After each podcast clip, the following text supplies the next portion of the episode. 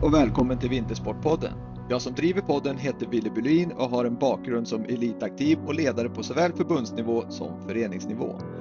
Idag jobbar jag som ledare inom näringslivet där jag inte dagligen jobbar med idrott och då ger mötet mig med poddens gäster en stor energikick. Att få möjligheten att prata med poddens gäster om deras karriärer och livet i sin allmänhet är jag mycket tacksam för. Njut av detta avsnitt och jag tror och hoppas att du kommer få med dig både energi, inspiration och kunskap. Vill ni veta mer om vad som är på gång inom podden? Följ Vintersportpodden på Instagram. Detta avsnitt är i samarbete med Brooks, eller The Running Company, som grundades 1914 och är helt fokuserade på löpning.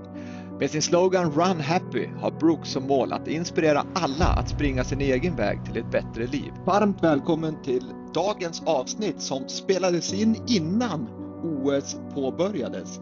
Och därmed så pratar jag och Jonas om eh, saker som vi inte visste om innan OS började, vilket ni får överseende med och det gäller framförallt vissa restriktioner som, som gäller nu på OS. Så med det i vetskap så önskar jag er en trevlig lyssning.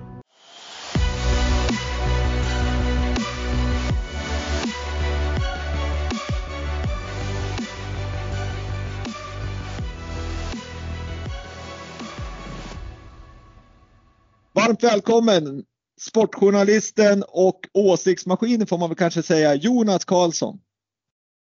Tack så mycket. Tack, kul att vara med. Ja, det är kul att ha liksom en journalist med som, som dessutom har en, en otrolig resa att bjuda oss på och hög, högaktuell inom, inom idrotten som sådan och det är inte kanske vinteridrotten just nu för nu är det ju förberedelse inför OS men, men du har ett långt förflutet inom vinteridrotten med, med, som kommentator. Ja. Och expert och tyckare får man väl säga. Jonas, jag brukar alltid börja podden med att dra lite bakgrund med, kring, eller, om gästen och det tänkte jag även göra med dig. Så jag drar, så får du lyssna och sen får du väl säga om jag har fel eller inte. Men Jonas Karlsson, du föddes 1977 i Karlstad, du har två barn och fru och du är son till den före detta friidrottsförbundskaptenen och längdförbundskaptenen Ulf Karlsson. Eh, du flyttade till Göteborg där karriären började på Göteborgs-Posten. Flytten gick 1999 till Stockholm för ett vikariat på SVT som sedan resulterade i 17 framgångsrika år på SVT med en stor roll inom ja, olika program som bland annat Vintersport, eller inte Vintersportpodden, men Vinterstudion.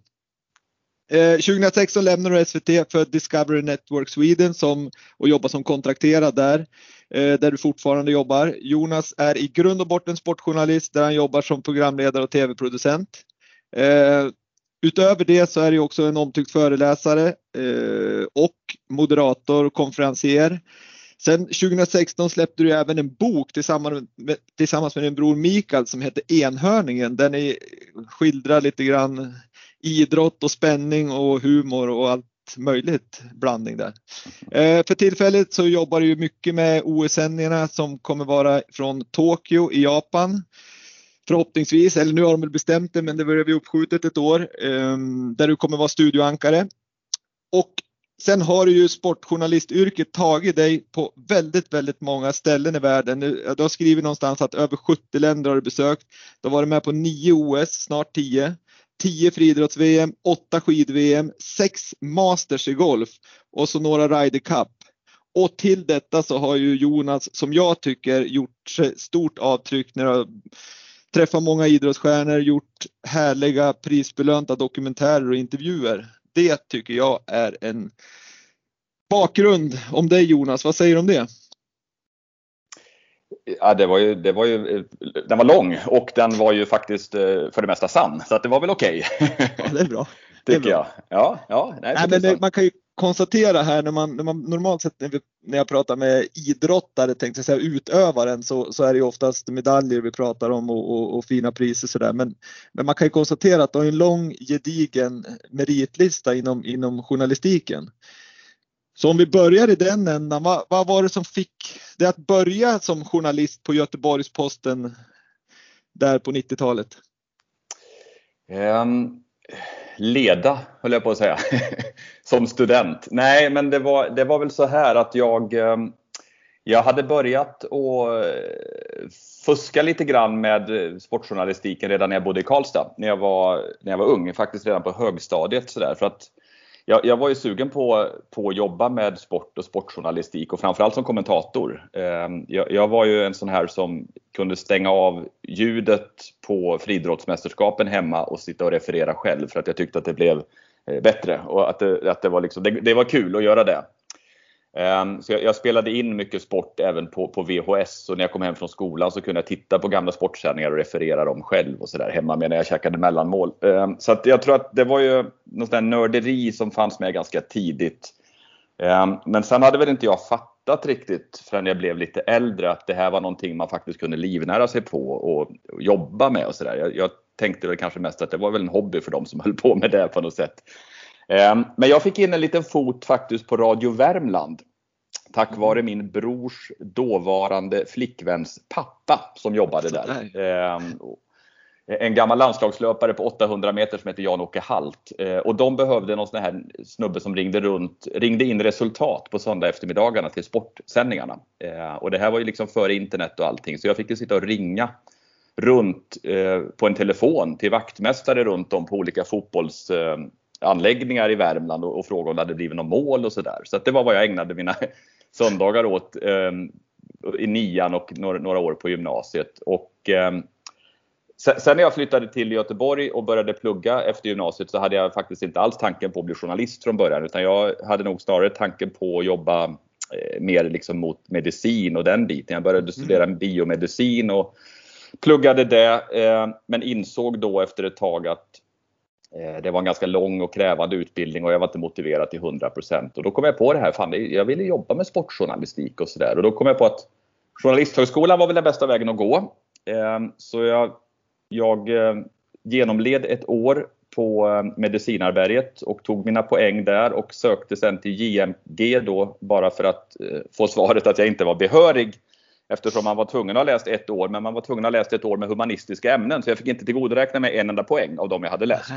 Okay. Um, så då fick jag plugga ett år med svenska och statsvetenskap och det var under det året som jag passade på att höra av mig till Göteborgs-Posten och fråga om inte de behövde hjälp. För att jag tyckte att jag, då hade jag lite tid över. Det var inte så mycket att plugga då som det hade varit tidigare. Eh, och de sa nej Eh, så jag hörde av mig igen och de sa nej och jag hörde av mig igen och så höll det på sådär i veckor och till slut så tröttnade nog Mikael Järpe som var sportchef på mig där och sa men kom då så får du skriva någonting liksom. Och det är han glad för idag? Ja, det vet jag. Ja, men det var väl kanske. Framförallt var han nog glad då, för det var en tid där det var väldigt mycket konflikt och grejer på, på den redaktionen. Så att jag hade en jävla tur som kom in på ett bananskal då. För att halva redaktionen skrev ju inte så jävla mycket, utan det var ju, fanns ju väldigt mycket att göra. Ehm, så att jag jobbade ju heltid där mer eller mindre i ja, två, två och ett halvt år. Ehm, och sen började jag plugga journalistik men gick inte klart för att de hörde av sig från TV-sporten i Stockholm innan det och frågade om jag ville ha ett vick i Stockholm ehm, på, på tre månader. Och då åkte jag upp med en väska med kläder och sen så flyttade jag aldrig tillbaks faktiskt. Men hur, hur, hur hade de fått upp ögonen för dig då? Var det genom att du hade skrivit jäkligt bra i, i eller gjort utstickande reportage även i Göteborgs-Posten? Ja, jag vill gärna tro det. Eh, och det var väl kanske en del av sanningen. Men det var också en sanning att eh, jag hade en chef där senare som eh, ville anställa mig, eh, för han gillade mig. Eh, men de hade anställningsstopp på Göteborgs-Posten på den tiden och han tyckte nog om mig jäkligt mycket och ville hjälpa mig så han eh, hörde av sig till eh, en kollega eh, på TV-sporten som heter Per Yng som blev min chef så småningom på TV-sporten. Eh, som var chef på eh, TV-sporten i Göteborg då. Och sa att jag har en kille här som, som jag skulle vilja anställa men jag kan inte det för vi, vi får inte så kan han jobba åt er lite grann. Liksom sådär. Och då fick jag börja göra lite grejer åt Västnytt som det hette på den tiden. Eh, och bevaka lite sport och de grejerna hamnade i eh, Stora Sportnytt då på kvällen utan att jag hade en aning om det. De sändes ju lokalt men så plockade de upp det eh, i, i Stora Sportnytt och det var väl egentligen den vägen som Kjell Andersson eh, på TV-sporten fick upp ögonen för mig och eh, det var han som hörde av sig då och frågade om jag ville ha det här tre månaders vicket. Och jag var väl kanske inte helt okänd för dem heller eftersom farsan hade ju jobbat där tidigare som expertkommentator inom friidrott. Och han hade väl säkert droppat någon gång också att men jag har en grabb som kanske skulle tycka det var kul och så vidare och så vidare. Eh, så att det var väl kanske två vägar in i det där så att det får jag vara, vara tacksam för då att det, det var lite halvkrattat kanske också. jag tänkte precis komma dit. Hur är branschen som sådan då? Är det liksom jag förstår ju att prestation är viktigt, men, men är det liksom precis som alla andra yrken att nätverk och kontakter är liksom A och O för att komma in i, på rätt ställen? Ja, men det, det, är det ju eftersom ska du inte ha kontakter eller ha visat framfötterna någon annanstans så är det ju alltså andelen medarbetare som kommer in från Journalisthögskolan är ju extremt begränsad i och med att vi på TV-sporten hade vi max en praktikplats per termin. Eh, och, och, det säger sig självt att den vägen är ju liksom, det är ett jävla nålsöga och det är säkert att de som kommer in håller måttet eller blir kvar där. De flesta blir ju inte det. Eh, och då återstår ju egentligen möjligheten att på något sätt ha visat vad man kan någon annanstans eller ha connections så att man får chansen på något sätt. Mm. Eh, men jag skulle väl kanske säga att den viktigaste egenskapen är väl egentligen den jag visade när jag liksom tjatade mig in på Göteborgs-Posten och det är att inte ge upp. Liksom. Om man tror jävligt mycket på, på sig själv eh, och, och, är övertygad om att man kan och kommer göra ett bra jobb och liksom inte ger sig så kommer man förr eller senare få chansen tror jag. Eh, även om det handlar om stora fina TV-sporten eller om det handlar om en lokaltidning i, i Haparanda. Liksom. Utan det gäller att inte ge upp där. Liksom. Har man väl fått in en fot och, och har någon liten rad att skriva på CV, då är det ju väsentligt mycket lättare nästa gång man ska söka ett jobb. Ja men det, så, så är det ju och det, och det gäller ju att eh, jag har ju pratat nu med ja, väldigt många i den här podden tycker jag så då, liksom, och duktiga idrottare och, och allihopa säger ju att det är ju, det är ju hårt eh, och målmedvetet arbete som gäller om man ska liksom ta sig framåt och, och, och få den här chansen. Så att det är väl lite grann som, som man säger, vad heter han, eh, Ingmar Stenmark, att ju mer jag tränade desto mer tur hade jag. Ja, så, ja men precis. Ja. Så, så är det väl. Men eh, eh, vad kul att höra, men då kan man ju säga att liksom det som gör dig ändå jäkligt speciell, om du, tar, du kom in tack vare att du tjatade, men, men jag tycker, jag tjatar ju vidare om att jag tycker att du ändå är en, en jäkligt bra och speciell journalist som, som ja, du, du, rapporterar inte bara resultat i tv-rutan utan du har ju verkligen gjort reportage som, som är väldigt, väldigt liksom ja, men som känns inom sig och där du verkligen visar, porträtterar personerna och, och vågar sticka ut hakan lite. Är det liksom, hur, hur har du kommit dit? Jag tror har det alltid varit så? Nej, det, det, vet jag inte om det alltid har varit så, men jag, jag, tror att jag är ganska intresserad av personerna bakom prestationerna. Eh, och att det bottnar på något sätt i den nyfikenheten. Inte vad de presterar utan varför de presterar som de gör. Och har man den ingången eh, och, och, på något sätt också ställer sig den journalistiska frågan eh, utan att låta pretentiös nu då, varje gång. Liksom att, men vad är det som är det intressanta i det här egentligen? Mm. Ja, han hoppade 2,40 i höjd, men, men vad är det som gör att han hoppade 2,40? Han hoppade ju bara 2,30 för ett år sedan. Liksom. Vad har hänt? Alltså om man, om man, och, det bygger väl också på ett jävla intresse såklart och någon slags eh, gedigen research för att kunna komma dit. Och det, det, kräver ju också att man har tid att ägna sig åt det. Många sportjournalister idag har ju inte det, utan allt ska gå så jävla fort hela tiden.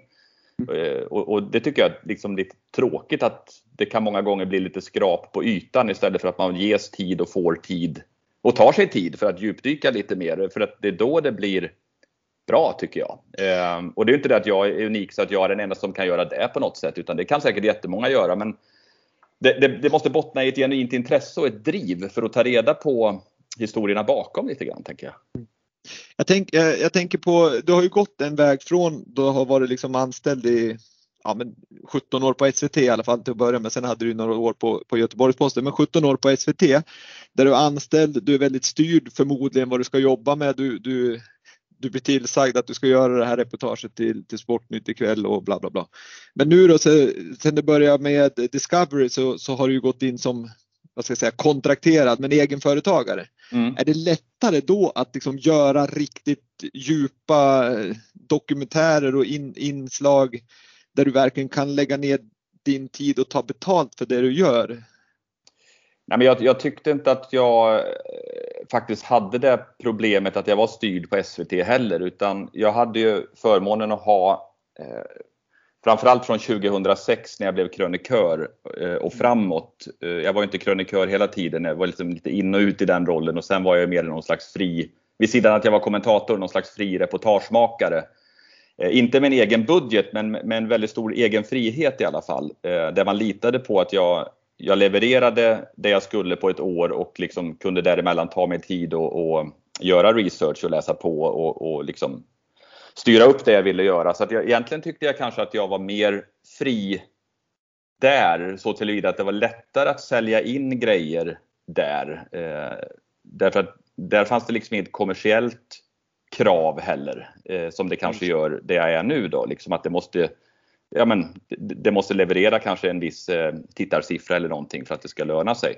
Eh, jag är inte styrd på det sättet nu heller men, men jag, jag upplevde kanske att det var enklare att komma upp med idéer och få ut dem i TV på SVT än vad det är nu. Eh, men däremot så har jag ju en, en roll nu som eh, producent när jag inte är programledare som jag inte hade på SVT, som jag stortrivs med. Där jag har liksom helt fria händer att göra egna dokumentärer. Vi har gjort totalt 16 entimmersprogram sedan jag började på, på Discovery, vilket ju är sjukt mycket egentligen. Eh, och de har jag ju till stor del eh, lagt upp och styrt helt efter eget huvud. Det har ju ingen lagt sig i överhuvudtaget. De har ju litat på att det blir bra.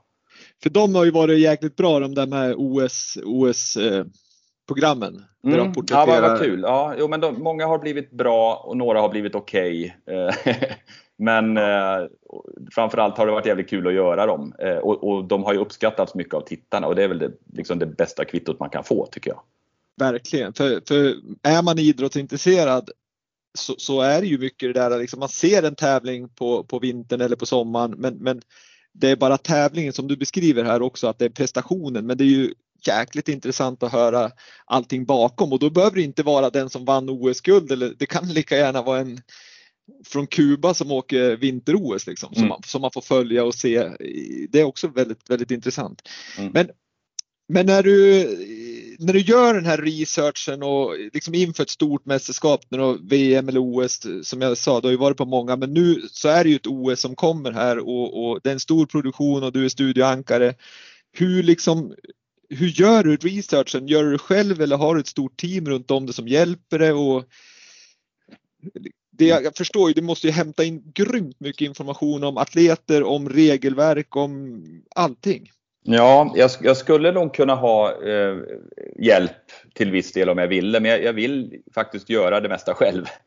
Eh, och jag sitter med det nu och sen ett par veckor tillbaks eh, väldigt mycket också. Jag bygger upp en egen databank egentligen eh, kring ja, men den fylls på. När SOK gör nya uttagningar så fyller jag på liksom ja, det, det, det är ganska basic. Jag gör Excel-dokument i olika idrottsgrenar och med de aktiva, både svenskar och de stora stjärnorna. Eh, I, i liksom de idrotter jag räknar med att vi kommer att sända inom ramen för det som jag programleder. Jag sitter ju inte och läser på om, om eh, liksom pakistansk landhockey, för det kommer, inte, det kommer jag inte ha så mycket för.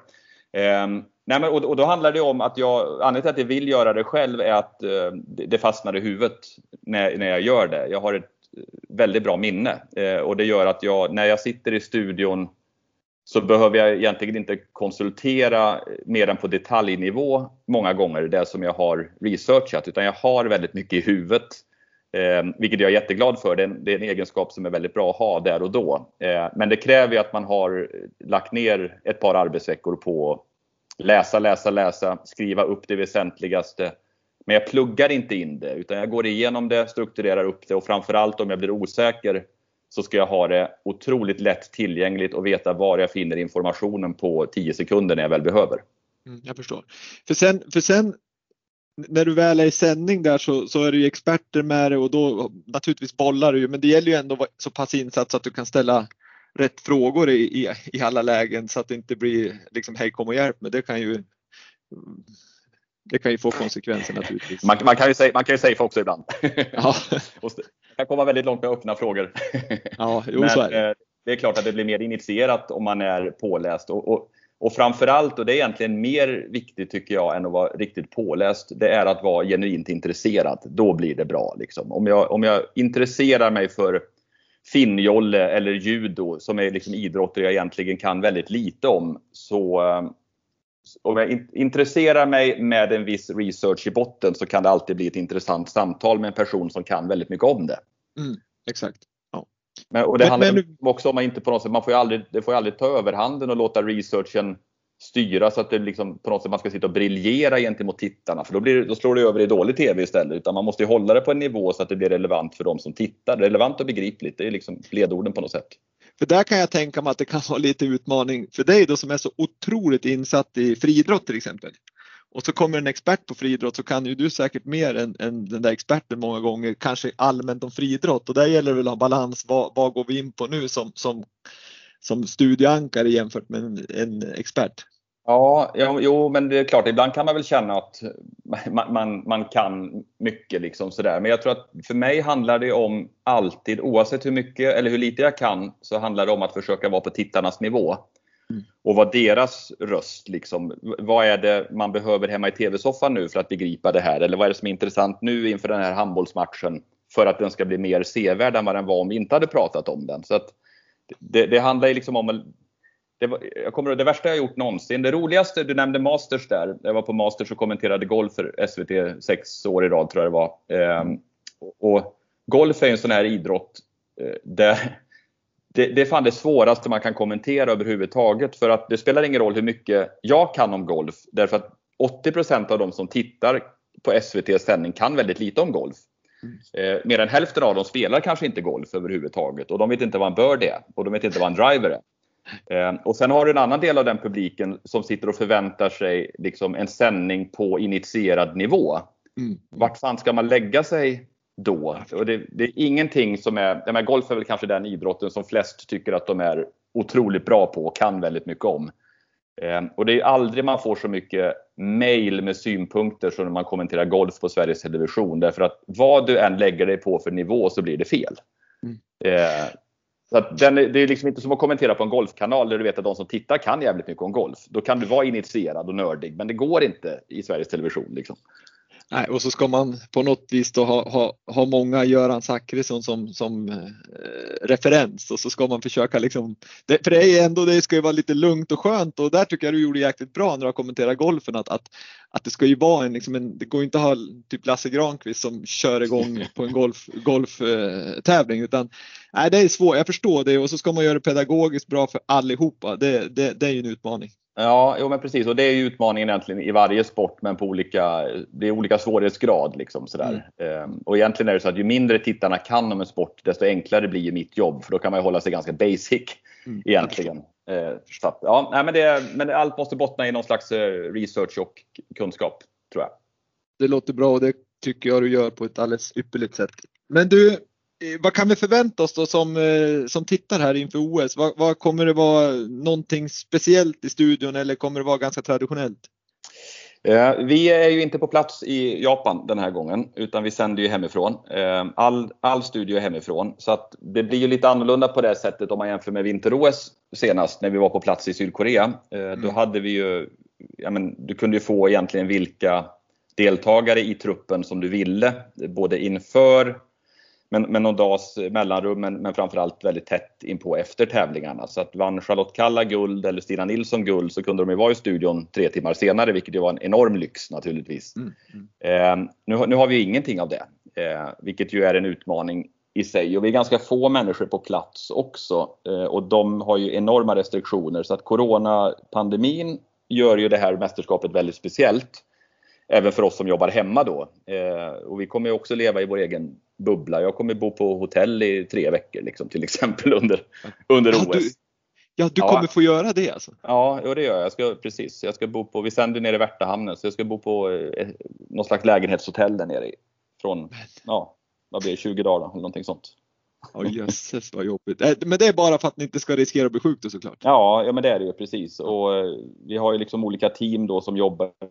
Vi sänder ju i stort sett dygnet runt. Eh, och då, då är det, går det i olika team och de teamen får ju liksom aldrig träffa varandra då utan de måste ju hållas åtskilda. Det är samma med, med Karin Frick och jag som kör huvudstudion. Vi, vi kommer egentligen bara träffas eh, på distans i sändning en kvart varje dag när vi liksom löser av varandra. Annars kommer inte vi se varandra heller. Ah, herregud. Ja, det blir en utmaning att, att göra det liksom, vad ska jag säga, snyggt och, och, och så att egentligen inte tittarna märker av det på något vis. Nej, nej men precis och det, och det gör ju också att vi kommer att vara ganska begränsat med hur många gäster vi tar in och sådär också utav mm. liksom, smittspridningsskäl då fortfarande. Så att um, så, så, svaret på frågan är väl att det blir annorlunda den här gången. Jag är inte säker på att det kommer bli så mycket sämre. Jag är inte säker på att det kommer märkas. Men det kommer att vara annorlunda för oss som jobbar i alla fall. Eh, sen hoppas vi såklart om när Jenny Rissveds vinner OS-guld eller silver att hon sätter sig på första bästa flyg och kommer hem och då ska hon ju helst sitta i våran studio så fort hon kommer hem. Liksom. Och det gäller ju alla svenskarna som lyckas. Så att vi hoppas ju få dem, men kanske med någon dags delay då. Mm, jag förstår. Och det brukar de vara, generellt sett så är väl, är väl atleterna bra på att ställa upp på, på intervjuer och sådär? Ja, framförallt har det gått bra. Ja, ja det förstår. De vara positiva till det. Men, men, eh, nej, men de har ju, jag menar vi är ju rättighetsinnehavare och de har ju krav på sig från SOK naturligtvis att de ska vara tillgängliga för media och där står ju vi först i kön. Ehm, så att eh, det, det är väl rimligt att de kommer till oss. Och det är ju deras, vad ska jag säga, det är deras jobb oavsett om det gått bra eller dåligt så är ju media en, en viktig del för det är det de lever på till syvende och sist. Eh, Absolut, jo, det gäller att förstå det bara. Ja. Men eh, det, det, de flesta gör ju det. Ja, så är det. Men om vi, om vi är inne på, på just det där med tillgång till, till atleter, ledare, förbund och, och, så vidare. Jag menar det är ju det är en bred skara personer som är intressant att snacka med. Jag menar när du gör en dokumentär så kan det ju handla om att du ska prata med mm, Fifa-presidenten eller det kan vara någon som cyklar i, i, i Forshaga eller vad, vad som helst liksom. Mm. Men, men hur, hur känner du att balansgången där liksom mellan att som journalist så tycker jag att det är härligt när man är oberoende och man är granskande och vågar verkligen sticka ut hakan som jag tycker du är bra på. Samtidigt som jag förstår att balansen är ju, man får ju som inte, oj shit, där kommer Jonas Karlsson, nu gömmer vi oss för att nu kommer vi få obehagliga frågor, vi kommer få bli synad på något vis och så vidare. Hur, hur, hur, känner du där? Är du rädd för att inte få tillgång till om, om, om du blir för liksom, granskande? Har jag så dåligt rykte menar du? Är det så? Är det... Nej, men jag säger liksom generellt sett som journalist så tycker jag att det är bra att man ändå vågar och, och göra någonting som sticker ut. Liksom. Ja, nej men jag kan inte påstå att jag eh, någonsin, jag försöker tänka efter nu när jag svarar, men direkt har, har stött på någon som har sagt att nej men, jag vill inte ställa upp för att det är du, liksom, eller för att jag tror att jag kommer få obehagliga frågor. Utan jag tror så här, i och med att man jag har haft en roll länge också där jag varit krönikör och liksom haft förmånen att, att tycka och säga vad jag, min, formulera mina egna tankar så, så, tror jag väl kanske också att tänker man ett steg längre som idrottare eller som eh, verksam inom idrotten så, så, borde man rimligen tänka att om jag inte ställer upp så får ju hans åsikter stå oemotsagda. Mm. Eh, så då är det kanske bättre att ställa upp och svara då i så fall. Eh, men, men eh, nej, jag, jag, tror inte jag tror det problemet som potentiellt, liksom, i och med att jag inte bara var krönikör utan jag parallellt var kommentator och ibland även reporter så var det väl snarare så att jag då och då kunde känna att jag ska inte säga att det var hämmande, jo men på ett sätt var det väl kanske det att det är en jävla balansgång i alla fall att ena veckan så ska du i Sportspegeln göra en krönika där du kanske kritiserar någon och sen ska du stå i mixad zon veckan efter och göra intervjuer med samma person. Ja, det är det jag menar liksom. Ja, Där kan ja, det bli lite. Ja, ja men det, det, är klart att det är en det är, det är en svår balansgång. Jag har ju alltid tänkt och tyckt att eh, så länge man är rak och säger vad man tycker och, och liksom eh, försöker motivera sina åsikter så, så står jag för dem och hoppas att den som blir utsatt för dem då liksom, eh, respekterar dem. Liksom. Mm. Eh, och, och, sen är det väl deras problem om de inte vill ställa upp på en intervju. Men, men det har inte varit så många tillfällen där folk har blivit jättearga på mig och inte velat prata med mig. Det har hänt, ska jag väl säga. Eh, men inte så att det har märkts utåt, tror jag, i, i TV. Nej, det brukar ju bli när man stänger av kanske. Att de bara går därifrån utan att säga ja, ja, precis. Och ofta har vi kanske kunnat lösa det också genom att ja, men då har väl just den intervjun har väl någon annan fått ta då liksom och sådär. Ja, eh, ofta är vi flera på plats.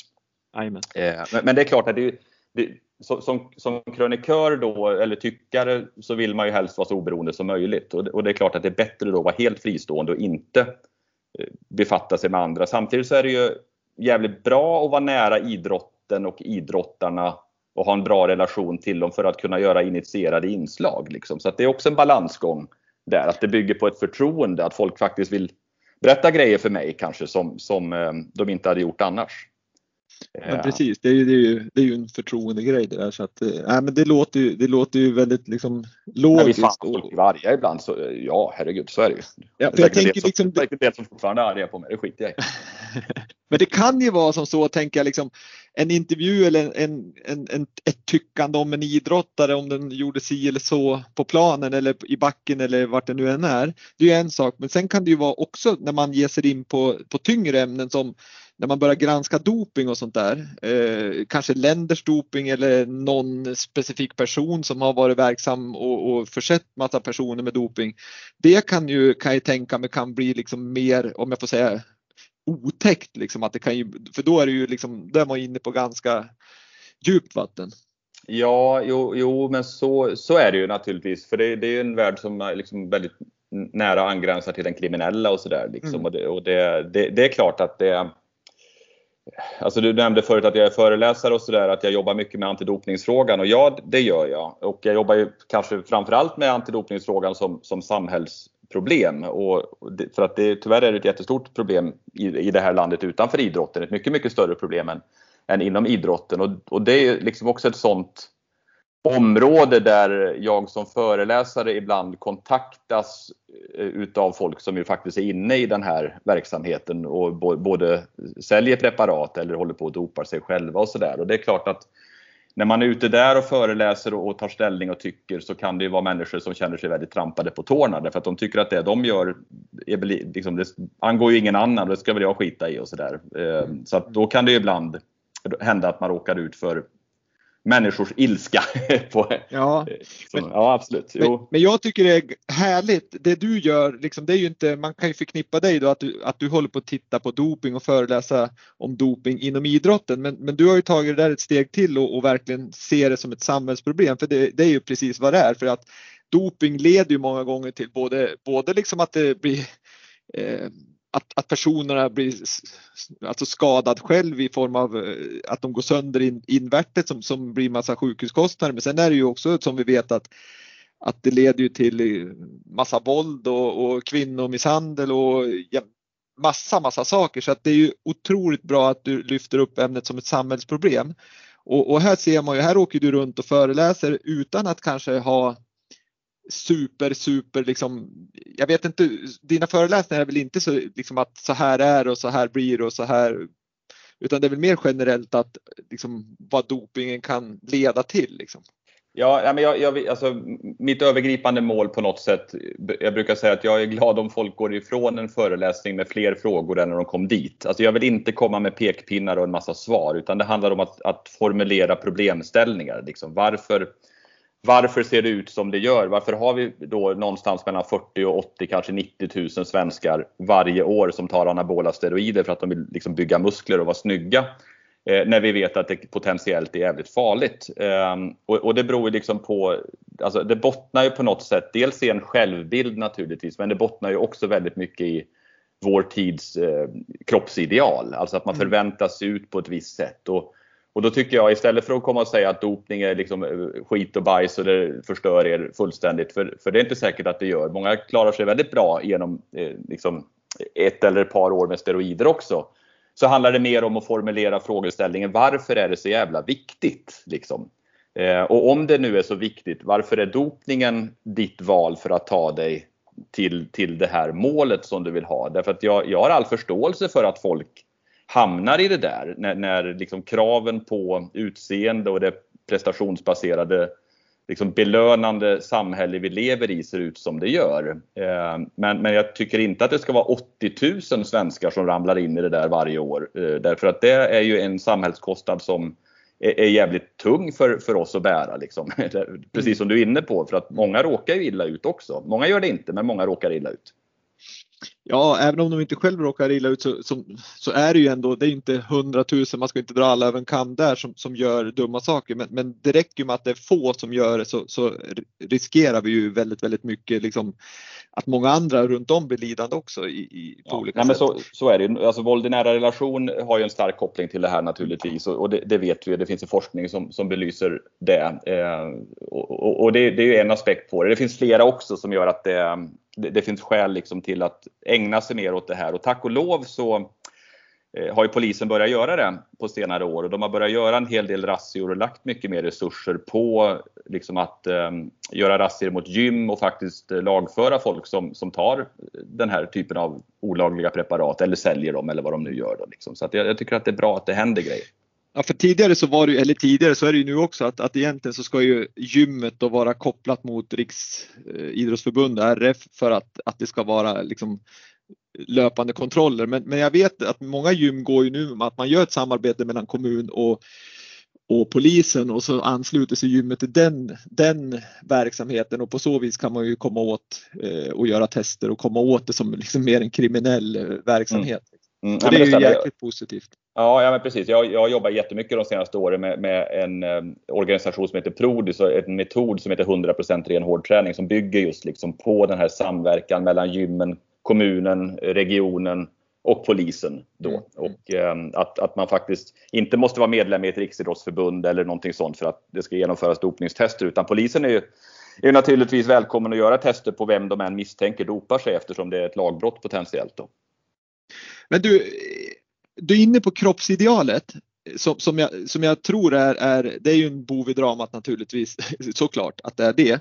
Och sen har vi ju sociala medier då när man får eh, 100 eller 200 eller 1000 likes för att man lägger ut stora biceps. Men, men hur, hur tycker du då om, om man ska se det liksom ur ett eh, mediaperspektiv där du verkar, hur, tycker du att ni har något ansvar i det här när ni visar bilder på, på från tävlingar eller träningsläger där de står i bara överkropp de här atleterna och ser ut som de är huggen ur sten. Hur, hur, tycker du själv att, att, att ni kan påverka det här för att minska liksom, hetsen? Um, jag, jag, tycker väl på, kanske på något sätt att vi alla har ett ansvar men, men jag, alltså, Självklart. Eh, ja, man kan väl fundera över vad man exponerar i, i TV. Ja, idrottarna kan fundera över vad de exponerar på sina sociala medier och sådär. Samtidigt så så måste vi låta människor vara människor också. Tränar man i 35 graders värme så, så tränar man i bar överkropp och det är där vi kanske är och filmar eller tar bilder för en tidning. Så att verkligheten ser ju, alltså, man kan inte ändra verkligheten heller. Det må, på något sätt måste det ju handla om mottagarens värderingar och beslut i förhållande till det här. Det här att vi hela tiden måste jämföra oss med andra, att vi inte kan vara nöjda i oss själva. Och jag vill tänker att det är väl den diskussionen vi måste komma vidare med. Varför duger jag inte som jag är? Alltså när jag tittar mig i spegeln, varför måste jag alltid tänka Nej, men fan, det vore bättre om jag kunde liksom vara ett kilo mindre. Liksom. Jag behöver inte se ut som Johan Wissman i bara överkropp, men om jag fick lite, lite antydan till rutor på magen så skulle jag förmodligen få fler likes eller må bättre eller vad det nu kan handla om. Nej, det handlar kanske inte om det, utan det kanske handlar om andra värden i livet för att man ska må bra. Men vi sätter en sån jävla press på oss med hur vi måste se ut och, och det är liksom det är, det är inte bara vad som exponeras i, i sportmedia utan det handlar om allt vi utsätts för. Alltså hur många bilder vi ser varje dag som exponerar ett ideal som inte är normalt. Eh, och då pratar jag inte om dopade kroppar bara, för det är inte dem vi måste förhålla oss till. Men det handlar om extrema kroppar som har kämpat och slitit och lagt ner en, en jävla massa tid och kraft på att se ut som de gör. Eh, det kan vara skådespelare, det, det, kan vara liksom vad som helst som är otroligt rippade i kroppen och slimmade och deffade och de är hur snygga som helst. Och det får de vara därför att de har lagt ner tiden för att det är deras jobb att vara snygga. Men jag måste inte hela tiden jämföra mig med dem därför att jag, jag har inte den möjligheten. Fan, man är ju glad om man hinner liksom, träna en halvtimme på lunchen. Mm. Eh, med, medan andra kanske lägger ner 4, 5, 6 timmar om dagen för att det är deras jobb att se bra ut. Men då ska jag inte heller jämföra mig med dem. Så att det måste ligga på mig som tittare också att göra den analysen att nej, de kör det racet men jag försöker stå för den jag är. Liksom. Och där tror jag det, eh, precis som du säger, jag, jag tycker också att det, det ligger mycket individens ansvar. Sen kan det ju vara tufft att säga det till, till en 12 eller 13-åring som, som börjar titta på det här. Men där tror jag det här utbildningen, både vad det gäller idrott men även i, liksom, som förälder eller som i, i ja, om man inte håller på med idrott i andra, i andra verksamheter så, så är det ju mycket att utbilda och jobba med, med, med självbilden. tror jag är väldigt, väldigt viktigt att man, man duger för den man är. Man duger inte för något, liksom vad prestationen säger. Nej, nej men så är det. Och sen, sen alltså, allt hänger ihop på något sätt. Medias exponering, idrottarna, hur de klär sig och sådär. Det handlar inte bara om att de tränar i bara överkropp. Det kan också handla om vilka kläder de får utav sina skomärken och, och, och liksom där, där det exponeras mer och mer hud över tid också. Eh, och, och då kan man fråga sig varför ska det se ut så? Varför ska det finnas regler som det gjorde här om året som reglerar hur beachvolleybolltjejernas bikini ska vara skuren? Liksom? Varför får inte de spela i baggy shorts och linnen som herrarna gör? Och det är klart att när man hamnar, hamnar där till och med inskrivet i reglerna att, att, att kvinnor måste exponera hud då är vi ju jävligt snett ute liksom. Eller när Sofia Mattsson åker till brottnings-EM i Bulgarien och, och liksom förlorar finalen och blir tvåa men blir utsedd till Miss Wrestling Europe för att hon är liksom den snyggaste brottaren enligt någon jävla bulgarisk jury. Ja. Då, är liksom, då, då är man så jävla snett ute så det finns ju inte. Och det där måste ja, det... vi protestera mot. Liksom. Ja, och det är otroligt ja, omodernt såklart. Och, och, man kan ju undra de som styr och tillåter det där hur de tänker. Det är ju vidrigt. Ja, ja problemet är väl att de många gånger inte bara liksom styr och tillåter utan de kanske till och med driver på ja, för att det ska ja. gå åt det hållet. Liksom. Och det, där måste ju alla säga ifrån som är vettiga, tycker jag. Helt rätt. Eh, innan vi går vidare så måste jag ändå nämna en, en herre som du, jag vet att du tycker är en utav, av, jag tänkte säga världens, och det kanske det är, men, men en stor, stor idrottsledare i alla fall som har drivit det här med dopingen otroligt hårt, många gånger, framförallt från början på egen hand och verkligen stånga sig blodig för, för det här och det är Arne Ljungqvist. Mm. Som jag vet att du jobbar en del med också i, i just den här dopingfrågan. Mm. Har du liksom, vad har du att säga om Arne och hans jobb i, i, inom dopingen? Nej, men att det, det, är ju, det är ju en människa som har gjort fantastiskt mycket och som jag han har ju fått väldigt mycket uppskattning och cred för den gärningen han har gjort. Men, men jag, jag, i min värld så, så, tycker jag inte att man kan hylla honom nog för det han har eh, gjort. Därför att nu, nu, jobbar han, ju, han är ju 90 år men det är ju liksom fortfarande still going strong. Jag träffade honom bara för några veckor sedan och, och jobbade med honom lite grann och intervjuade honom och sådär. Och han, är han kämpar ju på. Framförallt nu handlar det om dopningen utanför idrotten och han vill starta en, en professur på Karolinska då som ska jobba med just den här frågan, vilket är jättespännande.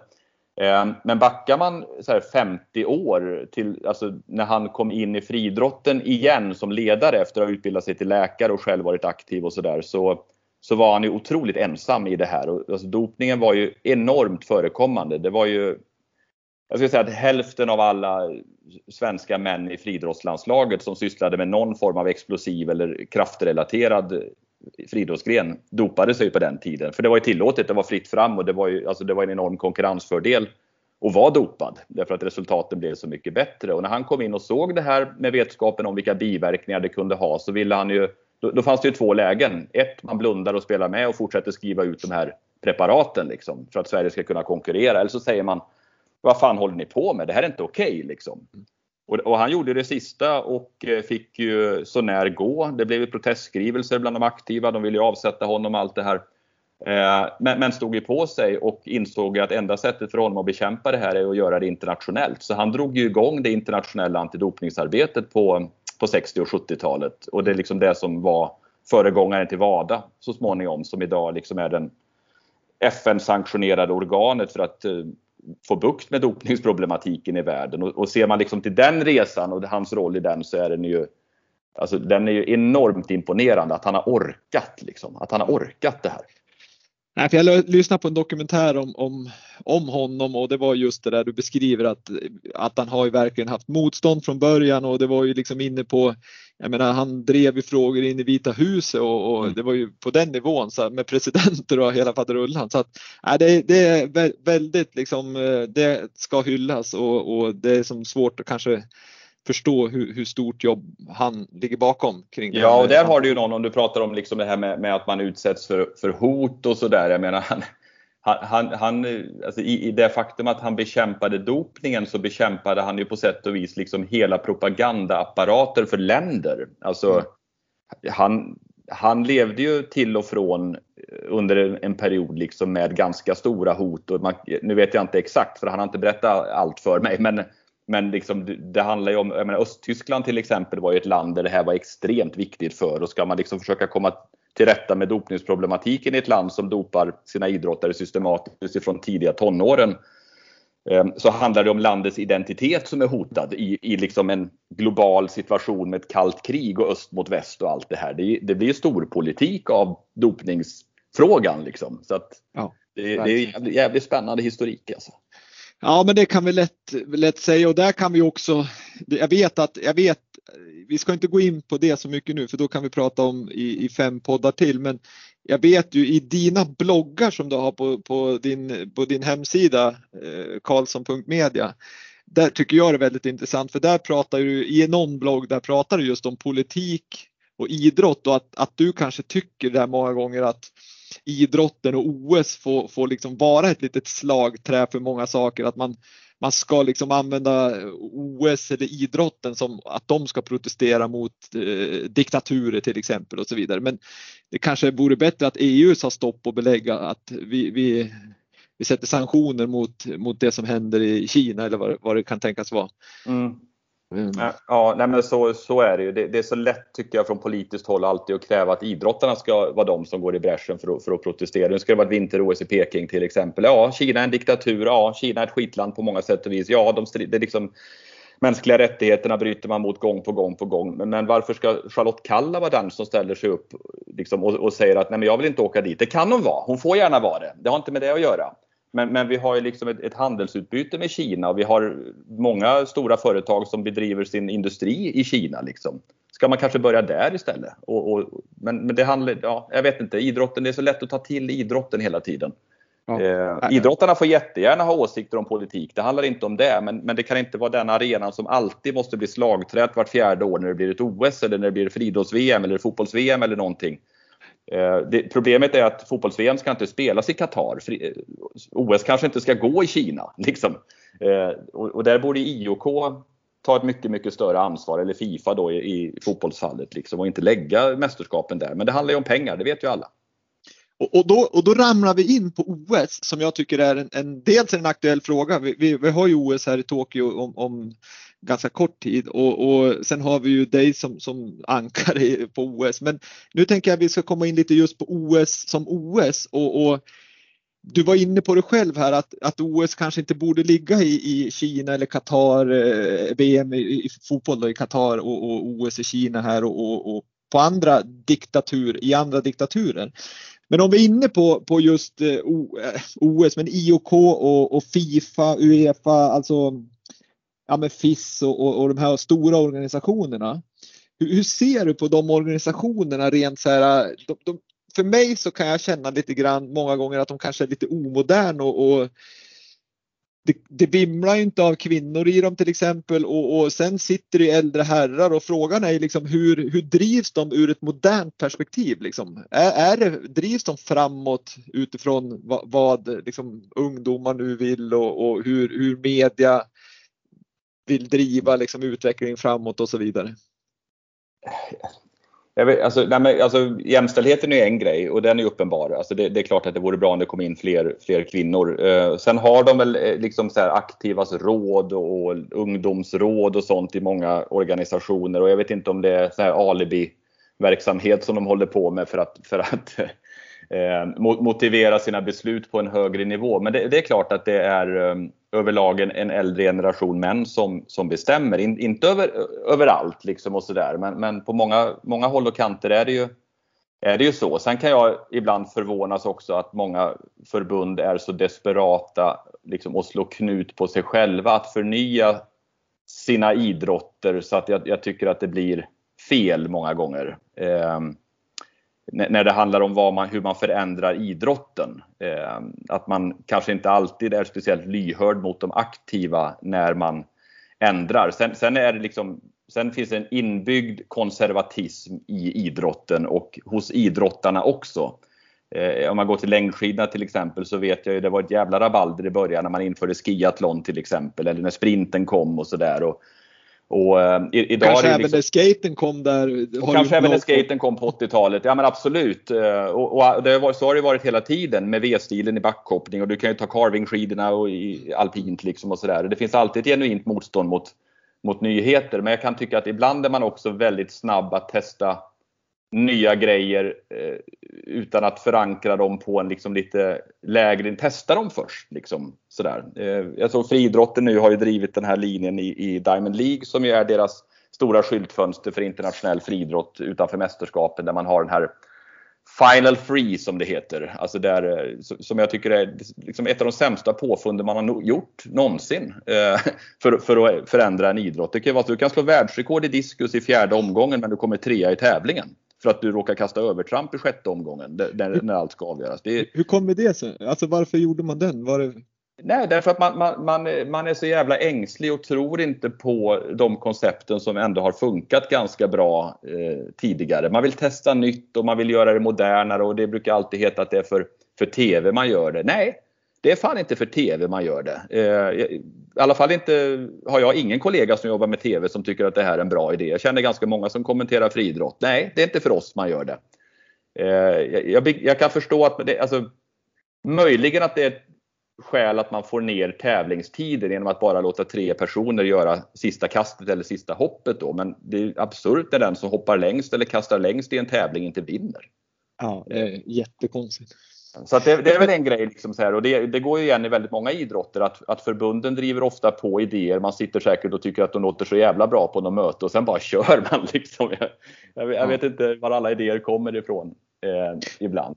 Men hur, det, jag tänker just det där, skulle jag suttit kanske i ett sånt där liksom förbund, då skulle det vara ganska intressant att föra dialogen med er som är liksom inom media för att jag menar det hänger ju ihop allting. Ska, ska man få pengar till OS så alla pengar där kommer ju från alltså tv-pengar. Mm. Och då är det ja, men, de, de, ja, men de för en dialog med oss också. Men, men ja, den, brukar, den brukar ju vara sådär i regel liksom att ja, men nu är säsongen slut. Här kommer ett utvärderingsformulär. Skriv vad ni tycker. Eh, och, och, sen vet jag inte om det någonsin har resulterat i någonting. Men, men det, det görs i alla fall. ja, för det är det som är viktigt att, att, att man verkligen har den dialogen och att det leder någon vart. För jag, jag tänker liksom att allt handlar ju till syvende och sist. Ska man kunna ha de här liksom, de pengarna det är i ett OS och i fotbolls-VM och EM och allt vad det är så, så, så är ju media de som betalar kalaset. Ja, jo, jo, jo men så är det. Och, och, och, jag vet inte hur det går till alla gånger när man, man, motiverar många beslut med att det är vad TV vill ha. För jag, jag, jag känner inte igen mig i det kan jag säga. Mm. Mm. Eh, många gånger. Nej, jag förstår, jag förstår det. Eh, Tittar man nu då på, på OS som kommer här så är det ju lite som omdebatterat ändå. Jag kanske inte liksom i Europa och Sverige, där är det ju liksom nu, nu blev det inställt i fjol och nu kör vi 2021 och, och här, här är det ju liksom, det råder ju viss tvekan för jag tror att upp mot 70 procent av japanerna de säger ju att de tycker det ska flyttas igen för att de är oroliga för, för liksom att det ska ta fart med smittspridningen och så vidare. Eh, och här vet jag också att du har eh, pratat lite grann om, om IOK och, och våran eh, kära ledamot där, Gunilla Lindberg som du kallar för Dr Lindberg i din blogg. Att, att de ändå är de som bestämmer fast man tycker ju att, att Japan är ändå de som, som borde få ta beslutet för det är deras land och det är deras befolkning och deras sjukvård och så vidare. Mm. Hur, hur, hur, tycker du om, hur tycker du egentligen om det visar ju också på mycket av det här liksom styrningen som man har från IOK? Jo, nej men alltså arrangörsländerna och arrangörsstäderna ger ju bort väldigt mycket av sin beslutanderätt kring OS när de skriver under ett, ett avtal att de ska arrangera OS. Eh, så är det ju. Det, IOK bestämmer ju väldigt mycket. Mm. Eh, och, och i, i, ehm, i, extremfallet här så kan IOK bestämma då liksom att, att OS ska genomföras även om eh, politiker i, i Tokyo stad eller prefektur tycker att det här är en dålig idé. Då. Ehm, och, och, så ser ju statuterna ut. Ehm, alltså, att jag vände mig mot Lindberg är att jag tyckte att hon uttalade sig väldigt, väldigt kategoriskt i en tid när smittspridningen var väldigt hög. Um, och, och tvärsäkert sa att ja, men det kommer ingen fjärde våg, och det kommer ingen, eller tredje våg eller vad det var hon pratade om. Men, vad fan vet hon om det?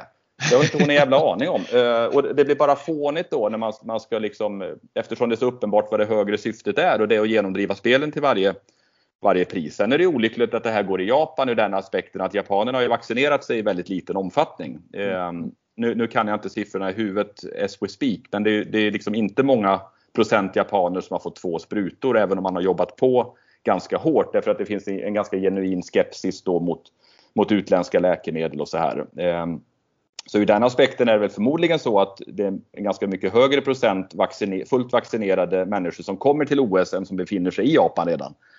Ehm, men IOK har ju lovat att lösa det här med sina olika bubblor och det ska ju liksom vara vattentäta skott mellan olika miljöer och sådär och någon smittspridning ska ju inte förekomma. Ehm, och då får de väl leva upp till det och bevisa det då. Ehm, det, det, kan man ju hoppas att de verkligen gör för tittar man på, på eh, fotbolls-EM nu som också är en stor organisation så har det visat sig att det är relativt stor smittspridning där i, i, från Ryssland i alla fall. Jag såg det var en väldigt hög procentuell andel av finska supportrarna som hade blivit smittade när de åkte hem så att jag tror inte det är någon superlätt lösning. Jag hoppas de har. Nej, och fotbollen har ju dessutom haft, liksom, lite beroende på vart de har spelat, de har ganska mycket publik på läktarna och sådär också. Mm. Eh, var det i Budapest det var fullt mer eller mindre ja. och det har varit fullt på, på, lite andra ställen också. Det är klart att nu skulle det vara 60 000 ikväll på Ja, och, och, det är klart att det är inte optimalt naturligtvis eh, ur, ur smittspridningssynpunkt. I Japan har de ju reducerat antalet åskådare ganska mycket och nu ska de ha munskydd allihopa och de får ju inte heja och skrika ens var det sista jag läste tror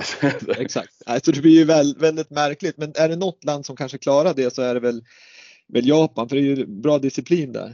Ja, nej, men det, är, det är bara att hålla tummarna för att det här inte blir en, en mänsklig katastrof. För om, om idrotten genomdriver ett, ett OS som är det, liksom hela mot hela bakgrunden av en pågående pandemi är liksom av ganska liten betydelse jämfört med människors hälsa och överlevnad så, så vore det ju synnerligen olyckligt och katastrofalt naturligtvis om det var så att det här ökade och ledde till att folk far väldigt illa. Det är bara att hoppas att IOK har den planen och eh, liksom organisationen för att se till att det inte blir så. De har ju lovat att det ska vara så. Ja, så är det. Men sen kan man ju diskutera liksom i Sen kan man ju diskutera OS som sådant, vilket man också gör med hur hållbart det är och man pratar om, tittar man Rio så bygger man arenor som sen växer igen. Golfbanan ser ut som ett, en åker nu liksom och, och arenorna blir Ja, det bara, mm. de rostar ihop mer eller mindre. Och tittar man nu i Japan så börjar väl budgeten på 7 miljarder US-dollar. Nu ligger man väl i, efter flytten så ligger man väl upp mot 28 miljarder US-dollar i, i, i budget. Vilket säger sig självt att det kommer ju bli en, en ekonomisk katastrof det mer eller mindre. Till råga på allt och så hade man 1,17 miljoner turister till Rio. Och nu så är det väl knappt att du kommer in i, i Japan tänkte jag säga för att titta på det här. Så att den ekonomiska smällen kommer ju vara enorm för Tokyo misstänker jag. Jo men det finns väl skäl att, att, tro det och alla hotell som har byggts och liksom alla som har investerat i, i sina eh, näringslivs och liksom i, i näringslivet för att ta sig an den publikströmningen som skulle vara så där. Det är klart att de, de får ju inte tillbaka sina pengar. Eh, nej men jag, jag, jag tycker OS är för stort. Eh, Sommar-OS framförallt då liksom. Och, och jag, jag, jag, är jäkligt och har alltid varit tveksam till att det ska byggas nytt i nya världsstäder hela tiden. Jag, jag är inte alls främmande för att det vore mycket bättre hållbar lösning, eh, framförallt ur miljösynpunkt men även rent ekonomiskt att Ja, dels hålla OS lite mindre kanske. Eh, det sväller ju för varje år. Man, man tillför ju nya idrotter och, och, det är liksom fler aktiva för varje år i stort sett också. Men, men, även att det kan cirkulera på ett par städer där det fungerar bra. Liksom. Eh, det, det, ja, men Rio är ett skräckexempel som du säger. Sochi är väl ett ännu värre exempel egentligen där man byggde upp en hel vintervärld som, som står och förfaller nu. Och det är väl så vitt jag vet Sommar-OS är ju väldigt mycket större än vinter-OS på alla sätt och vis men ändå är Sochi-OS det dyraste OS någonsin eh, att eh, arrangera. Eh, och, och det, det, är arenor och liksom, eh, infrastruktur som inte används i stort sett nu. Eh, och, och, så ska det ju inte vara liksom, för det är inte hållbart. Så det, det, finns ju skäl att fundera över hur, hur man gör det här på ett mer hållbart sätt. Eh, tycker jag. Men, men där har idrotten överlag en ganska stor utmaning för hur man ska vara mer hållbara miljömässigt framöver. Det gäller ju inte bara OS, det gäller ju, det gäller ju allt med liksom NHL-lag som flyger kors och tvärs och hela Formel 1-cirkusen eller friidrotten eller längdskidorna, you name it. Alla är ju där. Liksom, ja, alpint flyger ju land och rike runt och det ena veckan är det där och där istället för liksom kanske man skulle köra mer samlat att nu är vi i norra Norden ja, den här månaden eller två. Jag tror skidskytte försökte väl med det nu under pandemin förra säsongen att man körde mer liksom isolerat på, på samma ställe under längre tid. Ja, och jag, och jag tänker att utvärderingen av det kanske ändå i slutändan förhoppningsvis kan vara att ja, men det var ganska bra, det funkade bra liksom och sådär. Men det är klart att det ska också linjera med att man vill att det ska synas i många länder och sådär och, och det är klart, är man i Slovenien och i Turkiet så innebär det kanske att sporten växer och hej och hå sådär. Men det, någonstans måste det tänkas till lite kring vad som är hållbart på sikt och inte också. Ja, verkligen. Jättebra eh, Jonas. Det är några frågor där som, som jag känner att jag, jag, skulle vilja ställa. Så jag skulle vilja hoppa tillbaks lite grann till, till eh, dig som, som journalist och, och eh, ditt val av, av liksom kanal eller vad jag ska säga från SVT till, till Discovery. Och, varför, varför byter man liksom kanal? Är det, följer du, känner du att du följer med rättigheter i form av OS i det här fallet eller är det liksom bara för att du vill byta miljö eller hur, hur resonerar du där? Um, ja, men jag, det, det, var nog lite, lite både och egentligen. Jag eh, kände nog på SVT att jag hade varit där länge. Jag hade varit där i 17 år. Jag hade, varit, jag hade liksom avverkat alla roller jag ville testa på. Jag hade varit programledare, jag hade varit kommentator, jag hade varit krönikör, jag hade varit projektledare eh, ja, och gjort dokumentärer och liksom varit reporter och allt det här. Så att, Men du hade inte varit sportchef? Nej, och det, och det vill jag inte bli heller. Okay. Eh, de fick en sportchef som heter Åsa Edlund Jönsson ja. som är alldeles strålande. Så att det, jag var inget jobb jag sökte heller. Eh, okay. Men däremot så var jag eh, faktiskt ganska sugen på Eh, och, och, testa att göra någonting annat och jag var ganska lockad av möjligheten att eh, få se eh, liksom, eller få, få, möjligheten att göra grejer vid sidan av också, vilket ju var starkt begränsat på, på SVT. Så att när, när, när Discovery köpte OS så var de ganska tidigt i kontakt med mig och frågade om jag var intresserad. Eh, och det, det pågick liksom, samtalen med dem pågick faktiskt ganska länge innan jag eh, innan det blev offentligt. Jag hade bestämt mig ganska långt innan egentligen att jag skulle byta. För att jag, jag gillar OS, jag fick möjligheten att vara programledare, jag fick möjligheten att göra dokumentärer mellan eh, de olympiska spelen och jag fick möjligheten att jobba liksom 60% och göra annat på 40 % vid sidan av. Eh, och det lockade, det lockade mig väldigt mycket faktiskt. Och det var inte, den, den verkligheten var inte riktigt möjlig på SVT. Nej, jag förstår det och, och det är ju, har man det intresse du har nu då med, framförallt med dopingen som du lägger ner mycket eh, tid på att föreläsa så är väl det toppen att kunna kombinera.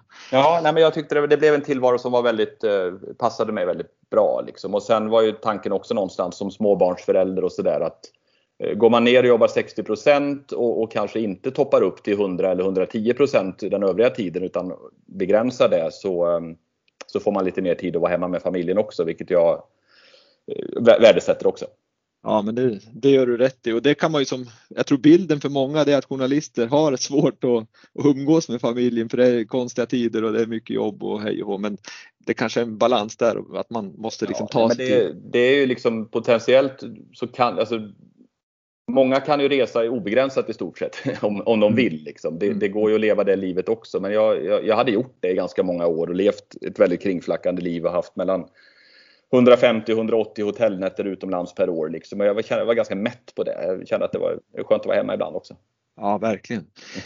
Eh, en annan fråga som jag tycker också är intressant, som är, jag tror många lyssnare också ser som, som intressant, det, det är ju liksom när, man, när det kommer en stor stjärna oavsett om det är Messi, Ronaldo eller Marcel Hirsch eller Charlotte Kalla eller vilken stjärna det än är då, eller liksom Bolt inom friidrotten vad är det som, vem är det som får första liksom, intervjun? Är det vassa armbågar eller är det rättigheter som styr eller är det personen? Är det Jonas Karlsson de säger, där är Jonas, nu jäklar går jag fram till honom först för han är ju cool kille. Ja, du, du menar vad idrottarna själva säger, ja, alltså vem, vem de går till? Um, ja. Alltså normalt sett när man träffar de där stjärnorna eh, som du rabblar upp här så är det ju i eh, någon slags mixad zon liksom, eller liknande i samband med att de tävlar. Eh, och tar man friidrotten som ett exempel så är det ju en, en väldigt ordnad Alltså det är, så här, det är folla på folla på mm. folla mm. som de ska gå igenom och då, då, handlar det om vilket bolag man jobbar på eh, och hur stort det är och hur mycket pengar de betalar, var de står i kön. Liksom. Eh, så det är den som har betalt mest för rättighet. De står först och sen kommer skrivande journalister sist där. Ja, så, så är det om man hårdrar det. Absolut. Så är det. Så TV står ju först, radion kommer sen och skrivande media kommer som regel liksom senare och de står ju mer i en klump och får trängas lite mer sådär liksom. Sen är det ju så eh, att, eh, och det har jag ju haft stor fördel eftersom jag har gjort många mästerskap i mixade zoner, att det är ju en väldig fördel att ha en relation till dem som kommer. Nu har jag varit på Jamaica vid åtminstone två tillfällen hemma hos Bolt för att ta honom som exempel. Så han, vet ju, han känner ju igen mig. Han vet vem jag är. Vi har liksom en, en, en relation där vi hälsar på varandra och så. Det är klart att när han får syn på någon i den mixade zonen som han känner igen eh, så är det inte så att han går direkt fram till mig för han måste fortfarande gå till eh, NBC och BBC före och Sky Sports och allt vad det är som, som kanske är större internationella bolag. Eh, men däremot kanske han stannar hos mig två frågor mm. extra Därför att eh, han vet vem jag är, liksom, mm. till exempel. Eh, och, och, det är väl lite grann samma, i längdvärlden är inte det ett problem på samma sätt. Därför att där, där är det inte så många som slåss om, om, om skidåkarna och de brukar vara ganska tillgängliga överlag om de bara fått byta om och fått på sig lite torra kläder. Eh, fotbollen har jag lite mindre erfarenhet av faktiskt, för jag har inte gjort så många mästerskap i, i mixad zon. Men jag är helt övertygad om att eh, om eh, alltså italienska fotbollsspelare som känner igen Jane Björk till exempel, de, de går ju fram till henne om, om, mer välvilligt än vad de går fram till andra liksom, och stannar kanske och svarar på några fler frågor av den anledningen att de vet vem hon är. Liksom. Nej, men det förstår jag och, och, eh, på något vis måste det vara väldigt, väldigt liksom, bra också. För jag misstänker att har du en relation där de känner igen det så är det ju lättare att få även om det inte är mixade zonen eller att du åker hem så, så, så kan de, de vet ju som vi var inne på tidigare, de vet vem det är, de vet vad du går för och, och, och att de har liksom något förtroende för också att, att här blir det inte något tok liksom. Nej, nej men så, så är det väl och det är väl, liksom, det är väl frukten man kan skörda av och faktiskt ha lagt väldigt mycket tid på att träffa mycket människor i, i deras hemmamiljöer och sådär där det inte är stressigt och inte är en massa andra som slåss om tiden och sådär också. Att man, man bygger upp en, en relation. Och den behöver inte vara jättedjup. Det är inte så att jag är god vän med jättemånga idrottsstjärnor och sådär. Men det är ändå att de, de har ett hum om vem man är. Liksom. Och det, det gör en, en skillnad tycker jag. Ja, härligt. Eh, innan vi ska avsluta det här Jonas så, så har jag ju några sådana här lite kortare frågor kanske. Men du, du som ändå kör lite liksom djupare, du, du är krönikör och, och eh, du kanske gör inslag som inte alltid alla tycker om. Men det, det, är säkert av 100 så är det säkert 90 som tycker om dem. Men hur reagerar du som person när du får ett eller två eller fyra mejl där det står liksom vad fasiken håller du på med? Det där var bara skit eller du är så dålig och hej och Det är ju en position du sitter i som du kan få misstänka lite skit. Ja, ja, jo men absolut och det är ju väldigt relaterat till vad man som krönikör på SVT så är det ju väldigt många som tittar och väldigt många som engagerar sig och där, där är det liksom så här man, man, kan ju nästan tala om innan krönikan hur reaktion, vilken grad av reaktion man kommer få.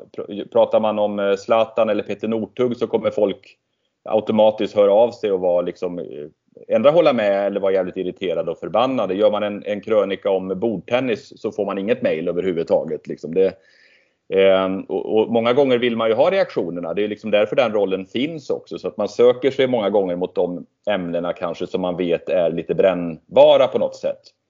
Ehm, men, men, jag tycker så här, värst är ju de gångerna när jag har gjort ett dåligt jobb. Och det har ju hänt att man har gjort dåliga liksom, krönikor eller när det kanske inte har framkommit exakt hur jag menar för att jag har slarvat eller man har blivit missförstådd eller helt enkelt kanske har skruvat på en åsikt ett varv för mycket så att det har blivit, jag säger, fan det, det där blev inte bra liksom.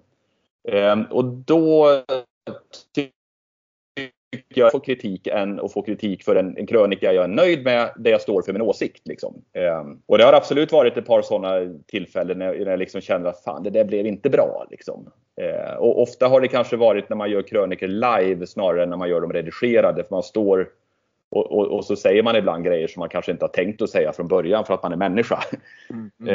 Eh, men, men, men, överlag så är det klart att jag, man är ju, jag är ganska hårdhudad men jag är inte, det är så liksom Andras åsikter och andras elaka ord nöter ju ner en med tiden. Du kan ju vara hård som en sten men vattnet vinner ändå efter ett par tusen år. Liksom. Och därför att det skaver ner dig och sådär. Jag kan väl ärligt säga att det har ju funnits ganska många dagar under tiden jag var krönikör på SVT där jag inte mådde så jävla bra på grund av jobbet. Liksom. För att man, man går och ältar det där och man har svårt att sova och man går hem och, och tycker att fan man är ju inte värd ett skit. Liksom, och så där. Mm. så att det, det, det är inte så Har du hanterat det själv då, eller har du fått hjälp från, i det fallet, SVT? Eh, nej, men jag har väl fått hjälp i den mån jag har behövt att bolla med någon. Jag har ju liksom haft bra chefer och sådär överlag. Så att det, det, men, men även om man får det så är man, och jag tror att det är ofrånkomligt och jag tror att var, jag ska inte säga alla, men alla krönikörer jag har pratat med eh, känner sig jävligt ensamma i sitt jobb tror jag. Eh, även om de inte är ensamma.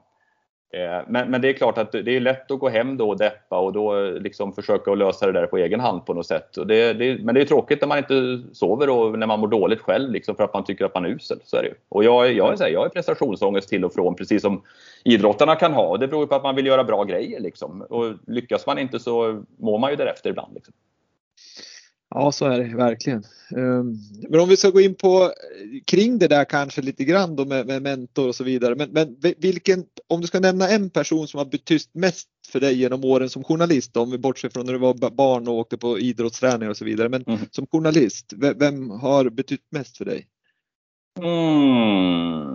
Ja, men jag, jag, tyckte jag hade en, eh, jag hade en väldigt bra relation med, med eh, han som eh, lät mig testa TV på första gången där nere i Göteborg som heter Per Yng. Eh, som ju blev sportchef sen på SVT och var det i, många år. Han hoppade lite, han var nyhetschef och sådär ett tag också. Men han var ju, han är så här, det är en man som alltid har trott på mig jävligt mycket och backat mig i det jag har gjort och som är liksom jävligt journalistiskt slipad som det går att bolla idéer och tankar med. Och, eh, så att han, jag skulle säga han då i så fall, för mm. det var ändå en person man kände att man alltid kunde vända sig till liksom oavsett vad frågorna gällde på något sätt. Liksom. Mm. Härligt! Mm. Då, då har vi egentligen vi har två frågor kvar. All right. Så nu börjar vi vara mot ett slut. Men, men det här är en lyssnarfråga som, som kommer från en lyssnare och eh, den är ganska, den kan bli svår att svara på men du kan nog svara på den ganska kort. Men vilken intervju eller dokumentär är den du liksom rankar högst som du kanske minns eller ja, som du rankar högst för dig själv? Efter väldigt många naturligtvis, men du kanske har någon som... Ja, men, alltså, nu, är vi, nu är vi tillbaka här Wille vid den där prestationsångesten lite grann. Alltså, jag tycker jävligt sällan jag gör bra grejer oavsett vad andra säger. Eh, jag är sällan nöjd med något jag gör. Eh, vilket jag är en jävla dålig egenskap jag har. Alltså, jag, jag lämnar ofta ifrån mig grejer och, och tycker att ja, men det blev sådär. Liksom.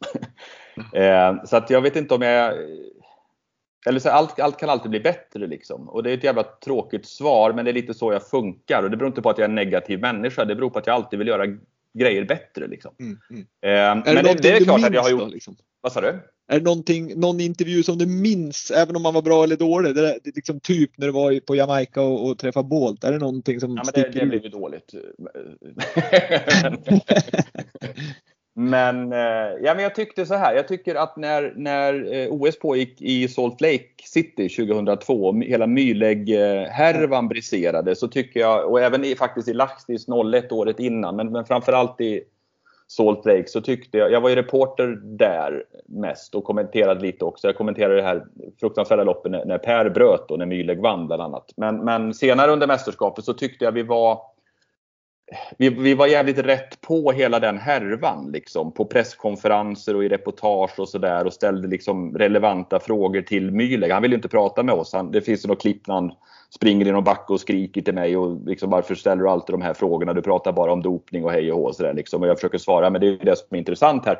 Eh, stanna och prata liksom sådär. Ehm, så att jag tycker liksom det var inte så att vi grävde fram den sensationen på något sätt, men vi var ändå jävligt rätt på det hela tiden. Liksom. Och, och sådana grejer kan jag ändå tycka, för det, det är inte en chansning utan det är sånt vi får inside-tips på. Liksom. Och ja, men det här är på gång. Liksom. Och att vi ändå drev, drev den linjen. Och Anders Blomqvist var ju också jävligt rätt på det där genom, eh, genom, genom mästerskapet också. Och fick ju mycket skit för att han hade mycket åsikter men i slutändan visade det sig att han hade rätt.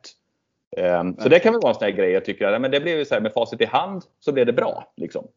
Um, även om det var en jävla tråkig soppa naturligtvis med hela Mühlegg-härvan. Ja det var fruktansvärt men, men Ja, det var hemskt. Det, när du säger det så är det som man kräks nästan över det där, det där mästerskapet.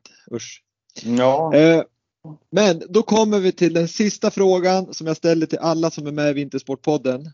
Enkel, kan besvaras med ett eller två ord och den lyder så här. Säg, nämn en framgångsfaktor för att lyckas som idrottare.